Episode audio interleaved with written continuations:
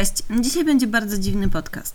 Bardzo długo się zastanawiałam, jak w ogóle ugryźć temat tej postaci. Nawet e, w pewnym momencie pomyślałam, że nie będę w ogóle o niej nagrywać.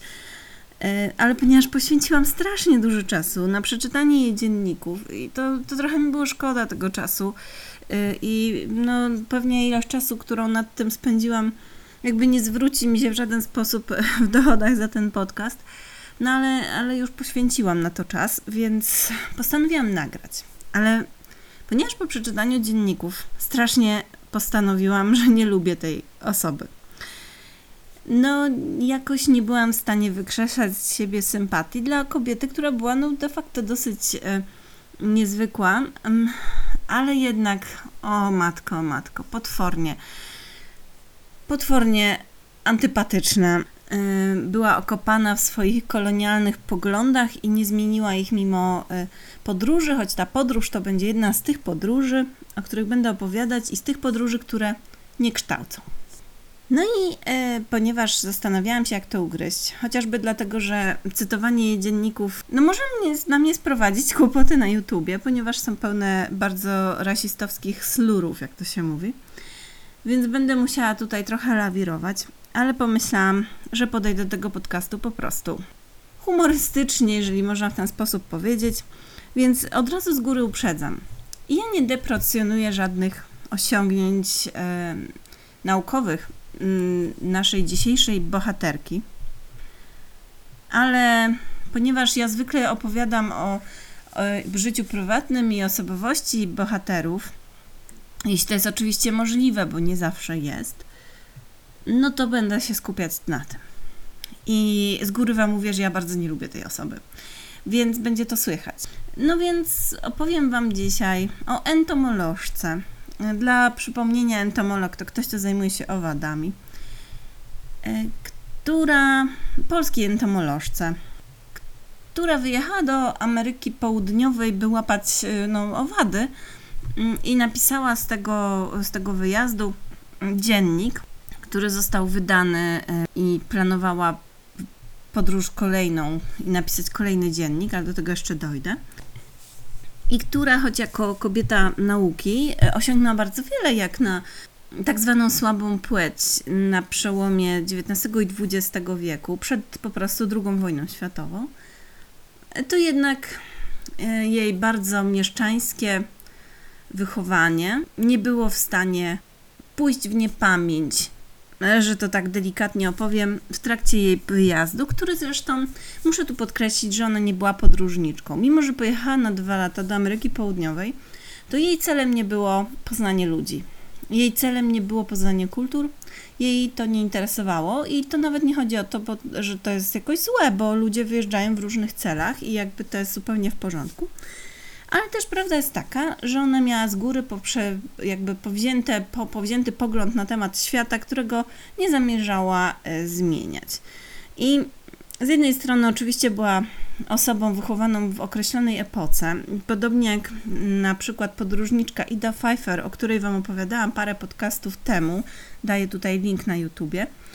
E, tak i ona była panią z tak zwanego dobrego domu. Tylko, że Ida Pfeiffer, choć w jej dziennikach widać e, pewien e, kolonialny mindset, który no, nie było w stanie tego się pozbyć. Nie, nie jest to jednak żaden zarzut, bo jednak jesteśmy wychowani w jakiejś określonej kulturze i czasem trudno się jej pozbyć.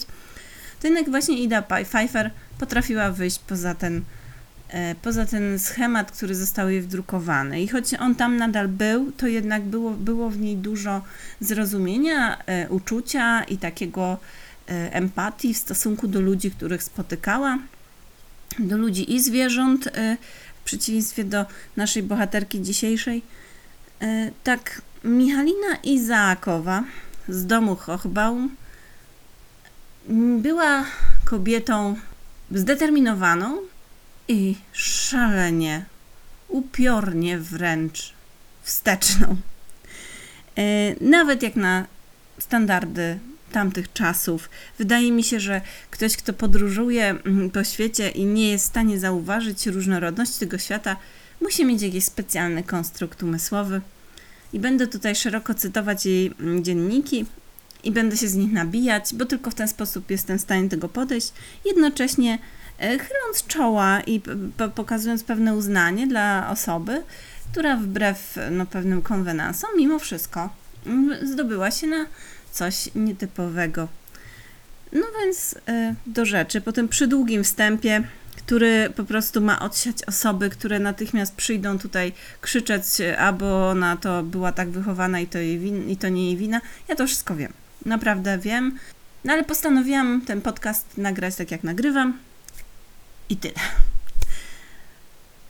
Więc tak, Michalina Izaakowa z domu Hochbaum urodziła się w 1880 roku.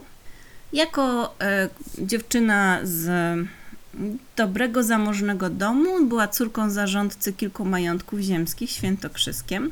Była córką uczestnika powstania styczniowego Natala Hochbauma i Emilii Hochbaum z domu Kiesiewicz, którzy doczekali się bardzo licznego potomstwa. Jak licznego niestety nie wiem, wszędzie jest tylko napisane, że było to liczne potomstwo, e, zatem pewnie było to więcej niż troje czy czworo dzieci. Nie wiemy nic o jej rodzeństwie, w ogóle generalnie o jej dzieciństwie niewiele wiadomo w źródłach, e, ani o jej młodości, ani życiu rodzinnym. E, Możemy się tylko na podstawie jej dziennika, mm, no i jakichś pamiątek, które po sobie zachowywała, mm, po prostu domyśleć, że miała staranne wykształcenie. Co najmniej średnie. Wiemy, że posługiwała się łaciną, francuskim, mówiła biegle po rosyjsku, nauczyła się bardzo szybko portugalskiego po wyjeździe do Brazylii. Była dobrze zorientowana w bardzo wielu dziedzinach nauki, szczególnie w naukach przyrodniczych, biologii, geografii, ale także w historii. Była przywiązana do literatury, no była taką dobrze wykształconą panią z mieszczańskiego, zamożnego domu.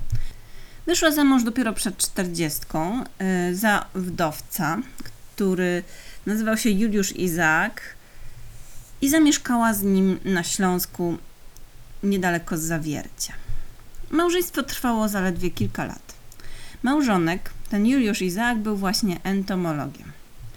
Kolekcjonerem. Posiadał pokaźny zbiór unikalnych owadów, wystawiał je, był autorem publikacji entomologicznych i ona na co dzień mu towarzyszyła właśnie podczas badań w terenie, zdobywała przy nim wiedzę, szlifowała warsztat jakby w jego pracowni w Zawierciu, y, gdzie razem hodowali owady, krzyżowali także gatunki. No byli y, pod tym względem naukowo bardzo dobrze przygotowani. Przy- Przypominam, są to y, lata między 1914 a 1923 rokiem, kiedy trwa ich małżeństwo. Ich, ich małżeństwo jest znane wśród przyrodników prowadzących badania w kraju, ale także za granicą, bo Izaakowie dostają przesyłki z owadami z całego świata.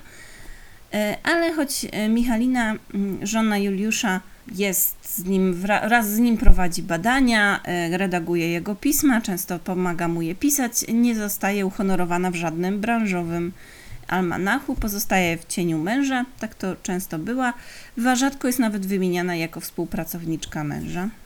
No tak to już e, funkcjonowało.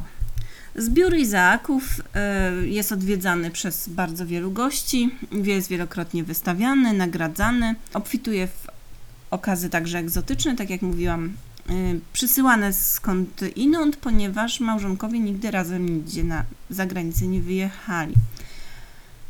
Mają jednakowoż kontakty z uczonymi na całym świecie i ich wspólnym marzeniem jest poszukiwanie tropikalnych motyli w Ameryce Południowych, Ameryce Południowej. Y, Jest to jednak marzenie niemożliwe do spełnienia za życia Izaaka, ponieważ najpierw e, są po prostu bardzo biedni, a kiedy już ich kariera się rozwinie, czy właściwie kariera męża, bo i Michalina jest ciągle w jego cieniu, no ale kiedy się ta kariera rozwinie, ich możliwości finansowe się zdecydowanie poprawią, to Izaak zaczyna chorować e, i nie mogą zrealizować tej, tej, tego zamiaru podróży do Ameryki Południowej w poszukiwaniu motyli.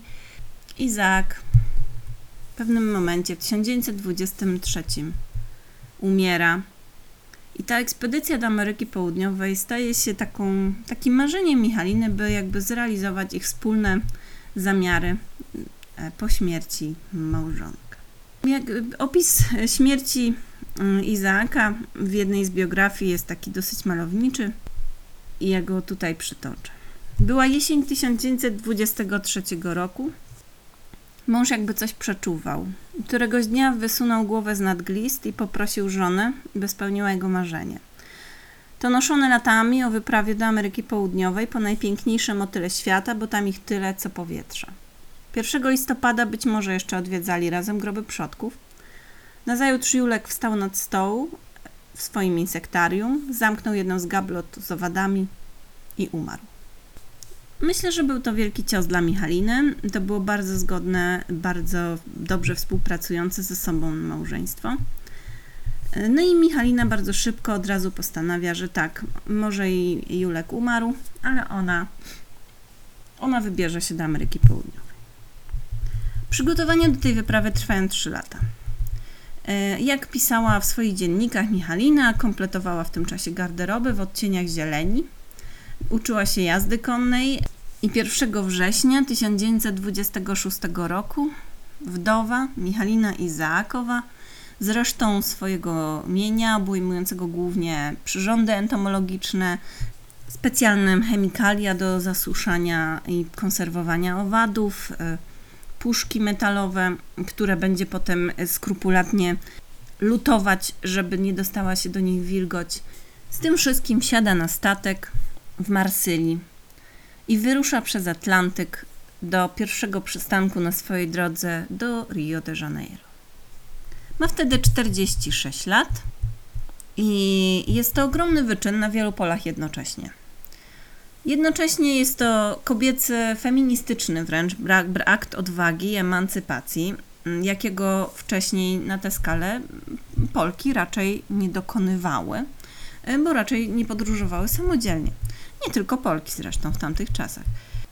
Poza tym e, zostaje samotną naukowczynią, którą, której właściwie nikt nie zna. To znaczy, znano jej męża, ale ona nie była wymieniana w żadnych pismach, choć razem z nim tworzyła e, jakby całą tą, e, całe to entomologiczne dzieło życia Juliana Izaaka. No i w pewnym sensie jest to odwaga na bardzo wielu polach, i tutaj chciałam to wyraźnie podkreślić, bo choć później Michalina będzie mnie irytować przepotwornie, e, to nie można jej właśnie odjąć tak, tych osiągnięć w żadnym e, stopniu i chciałam, dlatego między innymi o niej opowiadam. Jakby zapisem tej podróży dwuletniej po Ameryce Południowej, głównie po Brazylii tak naprawdę, jest właśnie jej dziennik, e, który linkuje tutaj także, bo on jest w domenie publicznej, Jeden z linków pod tym tekstem to jest link do tego dziennika bezpośrednio. Ma on tytuł Polka w Puszczach Parany. W wydaniu z 1936 roku był on opatrzony zdjęciami e, autorki, bo ona fotografowała tam także. Niestety w tym wydaniu tutaj, e, które mam, tych zdjęć nie ma, ale można je znaleźć w internecie. Ten dziennik e, jest bardzo ważnym świadectwem, głównie ze względu na to, że puszcza, która, którą ona opisuje, ta puszcza sprzed 100 lat, mm, trzeba to podkreślić, już właściwie nie istnieje. Tak samo jak nie istnieje wiele gatunków, które opisywała. Las równikowy zmienił swój kształt przez ostatnie 100 lat. Na, niektóre nazwy topograficzne czy gatunkowe dziś też już nie funkcjonują. A przede wszystkim najciekawsza część tej podróży jest taka, że Izaakowa, y, ona nie chce tam, jak mówiłam, żadnych tubylców spotykać nawet. Właściwie nimi gardzi. Na każdym kroku. Y, trzeba to przyznać i wprost. I ona podróżuje y, tak, żeby być bezpieczną, bo ją interesują tylko owady i motyle, co jest zupełnie w porządku. Ona nie jest odkrywczynią, ona nie jest antropolożką, ona jest entomolożką, która chce po prostu y, wykonać dobrze swoją pracę. Jest to zupełnie w porządku i wybiera taki sposób podróżowania, że postanawia być ciągle wśród swoich, czyli wśród Polaków, bo ona jest olbrzymią patriotką. Patriotką y, tego rodzaju, jaka by się dzisiaj spodobała bardzo wielu osobom po prawej stronie barykady, bo patriotką absolutnie bezkrytyczną. Uważa, że wszystko co polskie jest lepsze, że przebywanie w Polsce jest dużo lepsze niż gdziekolwiek indziej i będę o tym jeszcze parę razy wspominać. Na tym, na tym jednak e, tutaj wstępie poprzestanę chwilowo.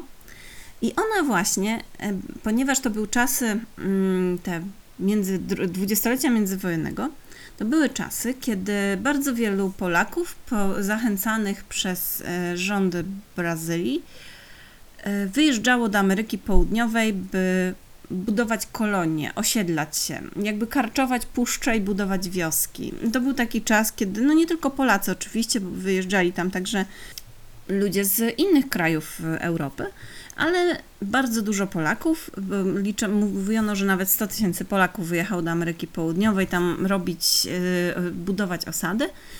Zakłada tam właśnie polskie kolonie, jak to się mówiło, w e, puszczy budując wioski. I ona podróżuje między tymi polskimi koloniami, żeby być cały czas wśród swoich, no i żeby ktoś tam ją e, jej pilnował i żeby była po prostu bezpieczna, bo jest to obcy dla niej kraj. Te opis tych właśnie warunków życia Polaków w Brazylii wydaje się tą najciekawszą mimochodem trochę przekazywaną częścią tego dziennika. Michalina ma też olbrzymi, olbrzymią czułość w stosunku do przyrody, y, głównie właśnie do roślin, do owadów, jeśli chodzi o, o opisywanie ich piękna. Bo o współczuciu trudno mówić, y, to jeszcze będzie o tym, ale też tutaj musimy brać pod uwagę fakt, że 100 lat temu na przyrodę, na wymieranie gatunków, y, na jakby prawa zwierząt patrzono inaczej i nie ma, nie można tutaj specjalnie jej zarzucać, że nie ma tych, e, tych samych jakby receptorów wrażliwości, które mamy my w tej chwili, wiedząc dużo więcej o tym, e, co się dzieje na świecie. Więc choć z dzisiejszego punktu widzenia jej opisy okrucieństwa wobec zwierząt, traktowanego jako coś zupełnie normalnego, są drastyczne, tak to jest jedna z tych rzeczy, które były e, jakby dla każdego niemalże człowieka wtedy raczej niestety oczywiste. Dzięki książce Michaliny można punkt po punkcie prześledzić trasę, którą obrała. I to nie jest trasa e, jakichś specjalnie dalekich od cywilizacji podróży. I to jest jeszcze jedna z rzeczy, które, mm, które chciałam zaznaczyć, ponieważ czytając jej różne biografie, nawet takie skrócone, prasowe, wydaje mi się, że wszyscy bardzo chcą uwierzyć, że ona docierała do terenów trudnych e, i niemożliwych do dotarcia, podczas gdy ona podróżowała wraz e, po prostu między wioskami. I są czasami takie dosyć zabawne opowieści, kiedy chce się bardzo na siłę zrobić z jej wyprawy coś strasznie niebezpiecznego. No to było niebezpieczne. Oczywiście w dzisiejszych czasach nikt z nas by absolutnie nie chciał konno przez, jechać przez 80 km, bo przecież by dupa odpadła. No ale wtedy nie było innej opcji. Ale też y, jest takie fragmenty czasami w opisach tych biograficznych osób, które jakby z drugiej ręki już opisują jej życie, że na przykład, och, ona ledwo uszła z życiem, bo została prawie ukamieniowana przez tubylcze dzieci. Prawda jest taka, że po prostu była na przedmieściach Rio de Janeiro, w żadnej tam dziczy. Po prostu zapędziła się w dzielnicę miejscowej ludności, którą ona nazywa zwykle różnymi brzydkimi określeniami, które wtedy wydawały się nie takie brzydkie. I po prostu dzieciaki zaczęły w nią rzucać kamieniami z krzaków i ona uciekła. I poprosiła kogoś miejscowego, żeby w miejscowym języku im powiedział, żeby tego nie robiły. I to była całość. W biografii pisanej przez jakby prasowych dziennikarzy, którzy chcą napisać sensacyjną opowieść, urasta to do rangi bycia niemalże ukamieniowaną. No słuchajcie, dramat po prostu. Nie, e, e, jakby dobrze jest sięgnąć jednak czasami do źródła. Obiektem marzeń dla mm, Michaliny było znalezienie motyla o największej rozpiętości skrzydeł, takiej jak ona opisywała, tak dużej jak bażant, bo faktycznie taki e, motyl tam funkcjonuje. No i w związku z tym zaczęła wędrować po puszczy, no raczej po jakby takich mm, skrajach puszczy, żeby była jasność, przy, przy wioskach, ze swoją siatką na motyle i budować swoją kolekcję. I tak Michalina zwiedza te wioski, mniej lub bardziej zamożne. Te mniej zamożne to jest obraz naprawdę ponury. Na przykład odwiedza w São Francisco, nie to San Francisco z Ameryce, tylko wioska nazwana Święty Franciszek, Polska, gdzie mieszka niejaki Andrzej Wejnarowski z Lubelskiego, który w, w Polsce był gospodarzem na 30 morgach, a przybył do Brazylii 16 lat temu i jak to się mówi, z pieniędzmi, a tu posiada dużo więcej ziemi, ale jest e, biedakiem. Nie jest w stanie tej nowej ziemi okiełznać. I jak to pisze Michalina. Wyobrazić sobie trudno jak mieszka. Przejrzyste od dużych dziur dach ubogiej chaty nie zabezpiecza nawet od deszczu, sufitu nie ma, zwyczajnie jak w stodole. Trzcinowe plecionki rozłożone na belkach zasłaniają tylko łóżka od zmoknięcia. W izbie tej wszystko razem. Sypialnia, jadalnia, zapasy żywności, drzewo, resztki starego ubrania. Na żerdziach porozkładane liście tytoniu do suszenia. A sprzęty? Trudno im nawet dać tę nazwę. Niezasłane łóżko, sklecony niezdarnie stolik, takie szławki, a pniaki drzew zastępują stołki. Na ścianach poczerniały od wilgoci obrazy świętych przywiezione jeszcze z Polski. Wyblakłe fotografie i karty pocztowe. Szybko stamtąd Michalina ucieka, zwłaszcza, że żona gospodarza ma prawdopodobnie trąd na nogach, ale nie ma dostępu do żadnej opieki medycznej, nie stać ich na to, by dojechać do jakiegoś miasta, prawdopodobnie gdzieś tam wymrą, wymarli później i nie sądzę, żeby im się udało przetrwać. E, ten, ten wyjazd do tej ziemi obiecanej. Zresztą Michalina napotyka na takie wioski, gdzie ludzie powymierali i dżungla przejęła je z powrotem e, i zarosły one e, z powrotem lasem. Kiedy dociera zresztą do takiej bogatej kolonii, gdzie ludziom sobie radzą bardzo dobrze, Hervalsinio się nazywa, no to opisuje, jak e, obchodzą miejscowi, na przykład 3 maja, bo ci Polacy tam obchodzili wszystkie polskie święta, i tutaj jest opis bardzo zabawnej takiej no, obchodów 3 maja w środku jakiejś dżungli w Brazylii. Aż miło było popatrzeć na Herwalszynie od dnia 3 maja na liczną procesję naszych rodaków, przystrojonych świątecznie, wychodzących z drewnianego kościółka kaplicy z chorągwiami w rękach i pieśnią polską na ustach. Echo tych pieśni szło przez najbliższe zagajniki palmowe ku sąsiednim koloniom, zamierzając pomału na skrajach niedostępnych puszcz okalających ludne w tym dniu miasteczko górskie. Barwny szereg młodych dziewcząt w krakowskich strojach sam za siebie mówił, że młodzież tutejsza stara się zachować tradycje wywiezione przez ich ojców z Polski. No tak, ona zawsze bardzo podziwia, jeżeli ktoś y, kultywuje tradycje, to jest oczywiście w porządku. E, ale też ma ten bias, e, o którym mówiłam, to znaczy, jeżeli komuś się udało, no to tylko dlatego, że jest Polakiem i że jest z Polski, ale też powinien się dorobić i wrócić. Taki jest, e, takie jest przekonanie głębokie Michaliny, że w Polsce należy być zawsze. A jeżeli komuś się nie udało, no to jest wina tych miejscowych i w ogóle tego, że nie są w Polsce. Jak na przykład zwiedza tartak wodny, bardzo dobrze funkcjonujący, niejaki, do, należący do niejakiego Ferdynanda Malanowskiego, no to jej wniosek jest jedyny taki, że wszystko Parana zawdzięcza Polakom, każdy przemysł, jeżeli się coś udało. No bo miejscowi to w ogóle nie mają żadnej inicjatywy, nie tworzą żadnej kultury, jest to naród jakiś słaby fizycznie i powinien po prostu wyginąć, e, bo to naprawdę nie ma żadnej nadziei. E, no jest to bardzo taki e, czarno-biały obraz świata. Michalina jest bardzo oburzona, kiedy Polki dowiaduje się, że pan, panienki polskie wychodzą za miejscowych jakby uważa to za wynaradawianie się Polaków w paranie i że to ciemni prostacy są, którzy się bratają z tymi miejscowymi, którym to imponuje znajomość portugalskiego. Uważa zresztą, że Polacy, którzy są inteligentni, to będą czytać książki polskie wyłącznie i się trzymać z dala od, pol, y, od tubylców i mówić wyłącznie po polsku. Y, no i, jest oburzona, kiedy kogoś dobrobyt pochłania całkowicie i nie chce wracać do Polski. Uważa, że y, to jest oburzające, że ktoś może żyć tu dobrze, może mu się udawać gospodarować na tych terenach i nie mieć ochoty wracać.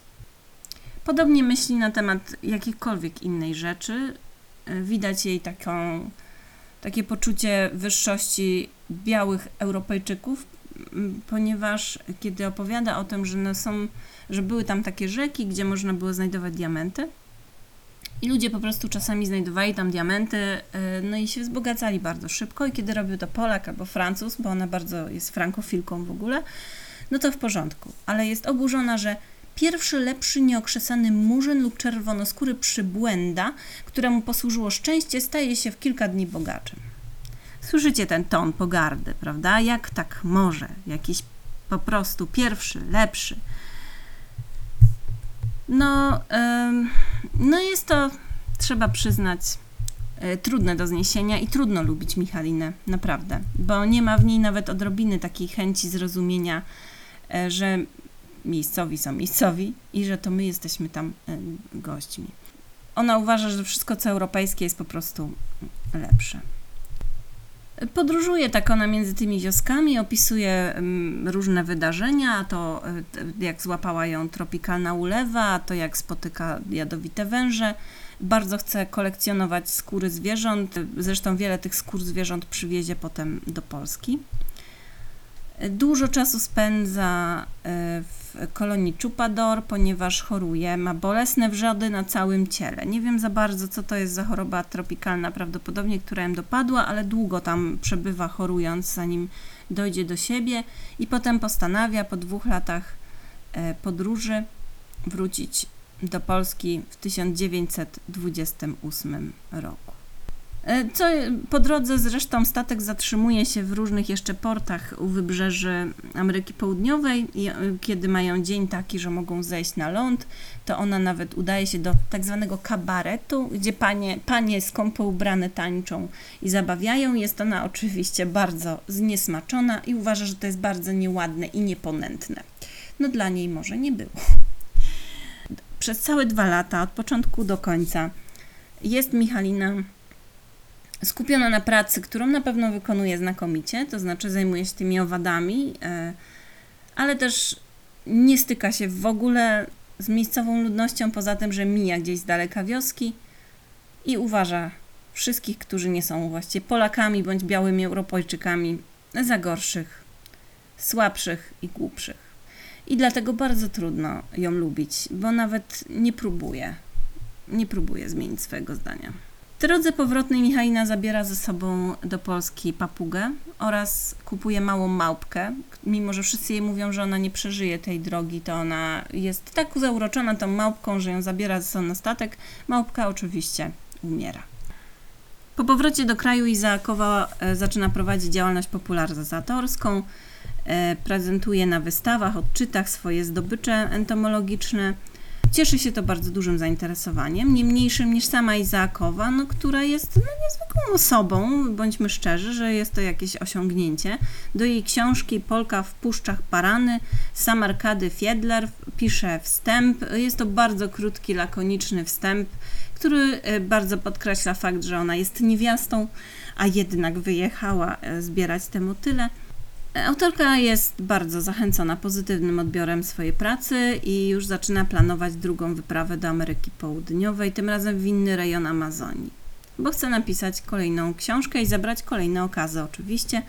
Plan zaczyna wcielać w życie pod koniec 1936 roku y, i wyjeżdża tam do Ameryki Południowej, dociera tam na miejsce razem z fotografką z zawiercia, niejaką frączkową, ale nie wiem, co się z nią stało, jeśli mam być szczera. Miała ta fotografka pomóc jej dokumentować ekspedycję. Kilka miesięcy później do Polski dociera informacja o tym, że Izaakowa jest chora, a później ślad po niej zaginie. Data i okoliczności śmierci Michaliny przez lata są przedmiotem spekulacji. E, pojawiają się jakieś doniesienia w prasie, że zmarła na febrę. I dopiero w 1939 roku, dosłownie w przeddzień II wojny światowej, polskie poselstwo w Rio de Janeiro oficjalnie informuje rodzinę Izaakowej o tym, że rozbiła się ona e, czółnem indiańskim na rzece Ucayali w roku 1937. Niedługo po tym, jak przybyła do e, do Rio. Jednakowoż za chwilę wybucha II wojna światowa i nikt nie interesuje się już poszukiwaniem ciała Izaakowej, no bo Polska ma wtedy zupełnie inne problemy. Także no nigdy nie znaleziono ciała Michaliny. Swoją drogą kolekcja małżeństwa Izaaków, Juliana e, i Michaliny już w czasie I wojny światowej liczyła 15 tysięcy okazów. I wtedy była, przeszła na własność miasta Warszawy, mm, a potem tam wędrowała po różnych polskich muzeach i po II wojnie światowej e, trafiła do Państwowego Akademii, Państwowej Akademii Nauk w Warszawie. Także e, kiedy w 1937 roku Izaakowa wpada do rzeki Ukajali, ma lat 57, no i zostawia w Polsce spore dziedzictwo. I co do jeszcze do tej papugi wrócę, którą zostałam zabrała do Polski. Otóż yy, wzięła papugę, bo, bo uważała ją za po prostu taką bardzo miłą rzecz, ale w pewnym momencie uznała, że trochę się nią Papuga się do niej zresztą, tak jak opisywała w dziennikach, bardzo przywiązała, ale w pewnym momencie się tą papugą znudziła, uznała, że papuga jest jej przeszkodą trochę w pracy, no i oddała ją do y, zoo. Opisuje też taki dosyć rozdzierający moment, że ona tą papugę odwiedza w zoo i ta papuga zaczyna się rzucać na klatkę, chce do niej po prostu podlecieć, więc y, ona ucieka, żeby y, no już ta papuga tak nie skrzyczała i nie zwracała na siebie E, uwagi. Jest to taki, mnie ten moment strasznie smuci, ona zresztą też odczuwa smutek z tego powodu, no ale to jest tak jak z tą małpką, która wzięła, czy czymkolwiek mm, innym zwierzęta traktowała tak jak ludzie, no wtedy traktowali zwierzęta. To nie jest nawet dla mnie e, jakiś zarzut względem Michaliny, która miała dużo gorsze poglądy na świat niż akurat traktowanie mm, instrumentalne zwierząt że no, Michalina była bardzo e, skupiona na swojej pracy i oddawała się jej bez reszty. Tak Trochę się aż dziwię, że Czarnek e, nie wrzucił tej książki e, na listę lektur, bo jest tam tak bardzo dużo potwornie rasistowskich rzeczy, że mogłoby się nawet to podobać prawdopodobnie ministrowi. To tak na marginesie. Nie zmienia to jednak faktu, że Michalina, jeśli chodzi o entomologię, na tamte czasy, to osiągnęła bardzo wiele. Na pewno Polska wtedy zdobyła bardzo wiele okazów. Michalina zawsze w trakcie tych podróży i pisząc książkę też pisała o tym, że tu by chciała zdobyć na przykład okazy świetlików dla każdej szkoły w Polsce, że chciałaby po prostu e, krzewić naukę o owadach, docenia bardzo rolę przyrodniczą owadów Uważa, że poznanie owadów e, sprawi, że będzie łatwiej gospodarować, ponieważ no, szkodniki niszczą plony, zasiewy e, i tak dalej. To jej podejście takie stricte naukowe było bardzo rozsądne i e, czasami bardzo nowoczesne. I na tym się jej nowoczesność kończyła. No, niestety, jej dziennik czyta się bardzo trudno. Ona nie jest jakąś szczególnie wprawną pisarką. Jest to napisane dosyć szkolnym językiem, ale przede wszystkim jej uwagi dotyczące właśnie polskości i jej uwagi dotyczące no, rdzennej ludności, a także osób czarnoskórych są no, potworne. I, I o ile większość podróżników, których czytałam z tamtej epoki, znajdowała w sobie jakąś taką otwartość, chęć do zrozumienia, nawet jeśli do końca odczuwali jakąś swoją wyższość, co się no, po prostu wtedy zdarzało, to jednak um, odczuwali szacunek do miejscowych. O tyle w Michalinie tego szacunku nie było. Szanowała wyłącznie Polaków i to tylko tych, którzy tęsknią za Polską.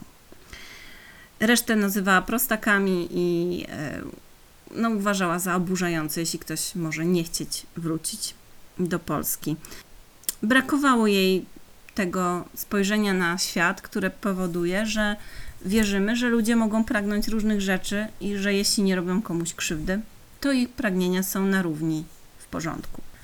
No ale cóż, mm, Michalina na pewno zostawiła ślad w polskiej entomologii razem ze swoim mężem e, Julianem. I na pewno, e, jak na swoją epokę, mm, odważyła się na rzeczy, które nie były takie wcale oczywiste, i oczywiście pomogło jej to, że po prostu ją było stać na tę podróż, ale faktem jest, że y, kobiety wtedy nie podróżowały samodzielnie po świecie, więc zrobiła coś mimo wszystko odważnego, nawet jeśli na miejscu no nie była jakąś y, szaloną odkrywczynią, która rzuca się jakoś, nie wiem, w wir z krokodylami, co oczywiście nie jest niczyim obowiązkiem. Więc tutaj należy ją docenić. No i to tyle na dzisiaj. Podróż Izaakowej y, mam nadzieję, że Was zaciekawiła. Ja tak trochę się zainspirowałam, by zająć się tematem, wrócić do historii tułaczych i być może poświęcić osobny podcast y, Polakom, którzy wyjechali do Brazylii. To może będzie ciekawe, jeśli tylko dotrę do jakichś dobrych publikacji. I to tyle na dzisiaj. Do usłyszenia.